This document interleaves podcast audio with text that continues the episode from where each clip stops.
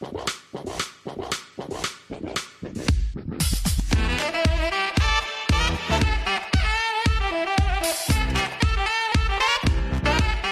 байцгаана уу? За, манай сошиал медиа маркетингийн тэргуун туршлагын хуваалцж байх сошиал медиа маркетераас сошиал медиа маркетер подкастын маань дараагийн дугаар эхэлж байна.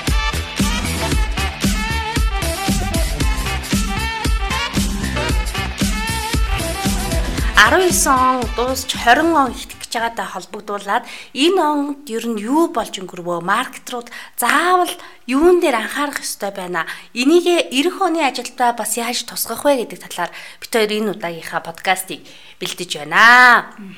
За, хоёлоо эхлээд Facebook-ийн талаар яриад ерөнхийдөө эхлэе. За, Facebook болохоор шин сувг гэвэл шин сувг биш тийм ээ. Хуучин сувг а сонирхолтой сувг мөн үү гэх юм бол бас TikTok, Snapchat зэрэгтэй харьцуулахад бол хуучин одоо сонирхолгүй сувг болчиход байгаа. Тэгэхээр хүмүүсийн хувьд Facebook-ыг ашиглах хэрэгцээ байна уу? Ингиж их буст хийх хэрэгцээ байна уу гэж байгаа юм байна. гэсэн асуултууд их гарч ирээд байна тийм. Тэгэхээр ерөнхийдөө дэлхийн дахинд маркетрууд ер нь яаж байна юм аа?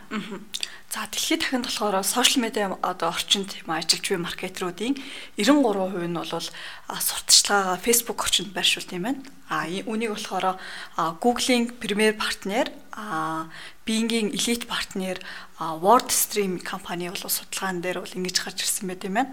Тэгэхээр дэлхийн маркетеруудын одоо дэлхийн зах зээл дээр ажиллаж байгаа маркетеруудын хувьд яг Facebook-ийг гол хэрэгслээ болгож ашиглаж байгаа юм чи бидний хувьд ч гэсэндээ яг ашиглах нь бол зүйтэй. За тэгвэл сая яг энэ 19 оны сүүлээр гарсан нэг том асуудал бол одоо уралдаан хийж байгаа спам тарааж байгаа тийм бэлэгтэй лайвууд хийсэн хуудсуудад маш их хариуцлага тооцож эхэллээ шүү дээ тийм ээ.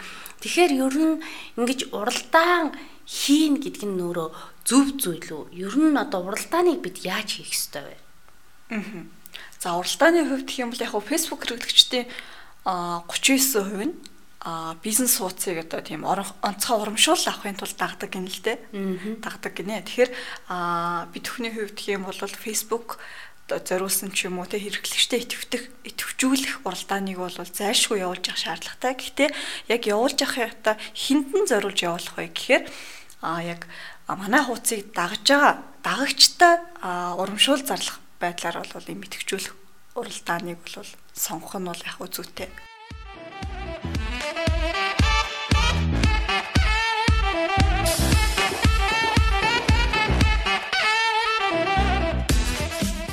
Тэгэхээр арай өөр болж ийн л гэсэн үг байна тий. Бид нэр дандаа шин хэрэглэгчдийг чиглээд те лайк дараарай манай хуудсанд нэгдэрэ гэдэг байсан бол аль хэзээний нэгдчихсэн байгаа тэр хүмүүсийг идэвхжүүлэл илүү зүгээр болсон байна. Одоо бас топ пен гэдэг нөгөө бааж гарч ирсэн те. Тэгэхээр топ пен дээр зарим байгууллагуудын хувьд саяхан би ялгууны топ пен болоод ялгуунаас бэлэг бас авсан. Их гой санагдчихжээ. Тэгээд эргүүлээд ялгаа надад бэлэг өглөө. Би бол топ фэн гэдэг ингээл янз янзын постууд би аз өөрийнхөө хуудасаар өөрийнхөө яг тий хувийнхаа хуудасаар дамжуулаад хийгээд байгаа. Тэгэхээр хэрэглэгчдийг бас ингэж идэвхжүүлэх нь зөв юм болоо гэсэн бодол байна тийм ээ. 2019 онд нэгэн цуу тарсан. Энэ цуу болохоор танаа хуудсанд лайк дарж дагсан хүмүүсийн ердөө 2% нь л постууд бүүстгүйгээр яг органикаар харагдаад байна гэдэг цууд харсан байсан. Энэ ер нь хідэн хэр үнэн мэдээлэл вэ? Одоо ер нь танаа хуудсны дагагчдын хэдэн хувьд нь постууд органикаар харагдаж байна? За энэ бол худал мэдээлэл. А яг үндэ болохоор манай хуудас дээр юм уу тий лайк дарсан хүмүүсийн яг 6.4% нь л бол постууд бол органикаар харагдаж байгаа.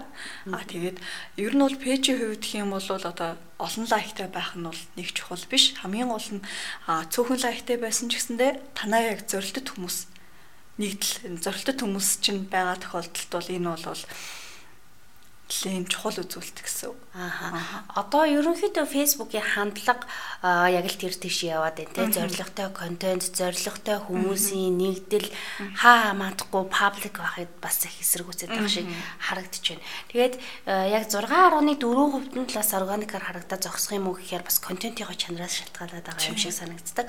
Чанартай контентууд бол одоо өнгөрсөн 7 хоногт миний нэг хийсэн пост байна л да. Тэр болохоор 50 мянган дагагчтай хуудас а тэр 50 мянган дагагчтай хуудас бол маш чанартай нэг контент хийсэн. Тэр контент бол бүүстгүүгээр одоогийн байдлаар нэг 170 мянган хүнд хүрсэн явж байна. Тэгэхээр яг тэр 6.4-т нь харагдаж зогсох юм уу гэвэл үгүй эргээ сайн engagement авч явах юм бол контентууд бол цаашаа хүрэх боломжууд бас байгаа шүү гэдэг. Тэгэхээр бид бүхний хувьд нөө контентын чанартаа эргээд анхаарах хэрэгтэй бол бас зорилготой контент гэдэг талаасаа бас сайн бодолцох хэрэгтэй тий.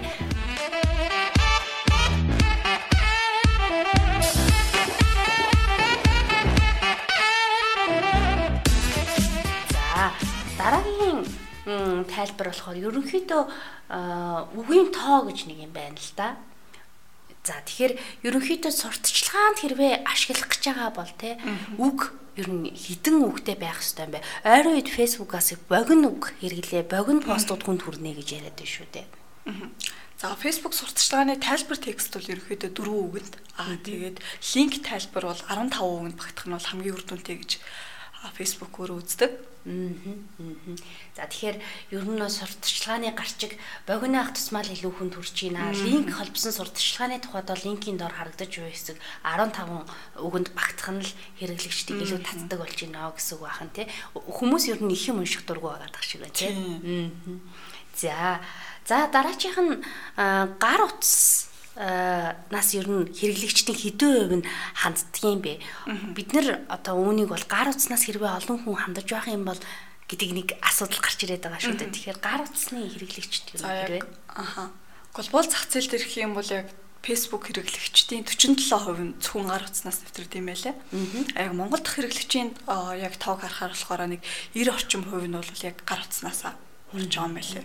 Тэгэхээр нийт Facebook хэрэглэгчдийн баг ерөнхийдөө бол ингээ хинх хувь нь тийм ээ гар утаснаас нэвтэрж байна. Тэгэхээр бид бүхний хувьд бэлтэж байгаа контентууд байна уу? Гар утасны жижиг дэлгэцтэй тохирох форматаар бэлтэх хэрэгтэй.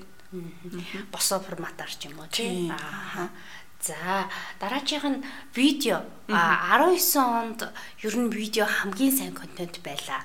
Видеоны олон төрөл байна тий. Лайв гэж байна.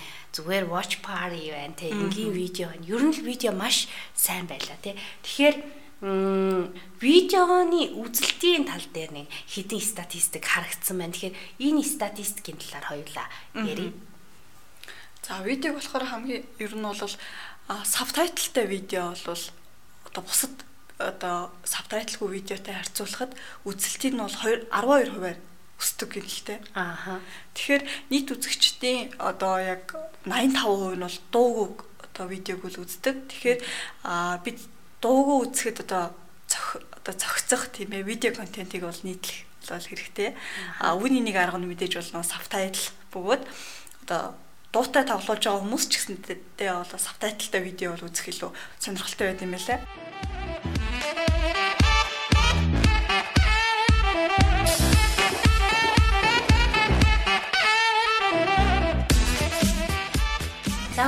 видеон дээр ямар цаашлаад гэх юм бол ер нь бол видеоны хувьд хамгийн чухал зүйл нь бол эхний 3 секунд. Тэгээд эхний 3 секундыг одоо хүмүүс тоглуулаад цаашаа үзэх хэсгээ бол шийддэг. Тэгэхээр бид бүхний хувьд эхний 3 секундын дээр л хүмүүсийн одоо хүслийг өдөөх сонирхлын татах хэсгээ бол байршуулж өгөх хэрэгтэй. Үүнээс цаашлаад одоо хамгийн эхлээд одоо энэ дээр лого бол байршуулж болохгүй гэдгийг л бид нэр анзаарах хэрэгтэй тийм видеонууд маш их байдаг. Тэгээ эхний 3 секундэд лого гараад дуусчихдаг. Эсвэл ямар ч хөдөлгөөнгүй байгаа дуусдаг. Тэгэхээр эхний 3 секундэд илүү юм динамик хөдөлгөөнтэй сонирхлыг нь татах хүй гэж нүдэн төрдөг хэсгээл байршуулж өгөх хэрэгтэй. Ер нь бол Facebook-ийн контент өөрөө аягүй их байгаа ш. Тэгэхээр танай байгууллагын контент ялгархын тулд бас нөө видеоны чанар тал дээр бол эхний 3 секунд дээр маш их ач холбогдол хэрэгтэй. Аа тэгээд видео пост бол яг бусад постоос илүү бол ийм шеэр хийгдэж хуваалцагддаг юм байна л да. Аа. Тиймээс одоо зурган контент бэлдсэн бол үүнийг бас видео контент та бас болоход үзээрэй. Аа. Энийний үр дүнгийн хувьд бол нэлээд ялгаатай байдаг. Аа. За тэгэхээр ерөнхийдөө нөгөө нэг богино пост гэж ярьж байгаа тий. Тэгэхээр энэ богино постын тухайд ер нь ямар үзүүлэлт байна вэ? За богино пост нь болохоор яг урт постоос богино пост болохоор юм 23 хувиар илүү хүнд хүрдэг гэнэ л те. Илүү үр дүнтэй байдаг. Тэгэхээр ер нь бол Facebook-ийн зарчим бол 19 оны хувьд гэх юм бол тийм богино тэгээд амттай байх тийм зарчмыг бол баримтлаад байгаа юм байлээ.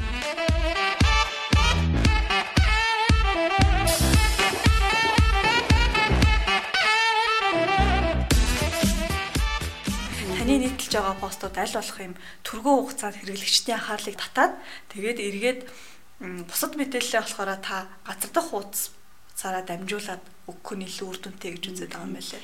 Э, энэ бол газар дах хуудасаараа дамжуулна гэдэг нь бол одоогийн яг бодит хэрэглэн дээр харахад чатбот бол маш одоо хэлбэр байж юм тий зарим байгууллагуудын вебсайтгүй байж болно шүү дээ тий. Аа. За өнөөдөр бид хоёр 2019 онд ер нь маркетруудын хувьд гарсан өөрчлөлтүүдтэй холбоотой тий заавал өдөр тутамд анхаарах ёстой өөрчлөлтүүдтэй холбоотой 9 тоог өгүүллээ. Тэгэхээр энэхүү 9 тоо та бүхэнд нэг зүйлийг бас бодогдуулсан байх гэж бодож байна. Тэгэхээр дараагийн дугаараараа бид хоёр энэ яг өнөөдөр ярьсан зүйлээ дэлгэрүүлээд 20 онд юу болох вэ гэдэг талаар ярилцах болно. Тэгэхээр та бүхэн дараагийн дугаараараа уулзцгаая. За тэгээд энэхүү подкастыг Натгаасаас маркетер 8 хөтлөө явууллаа. За маркетер 8 мэдээлэл хүргэлээ. Баярлаа. Баяртай. За баяртай.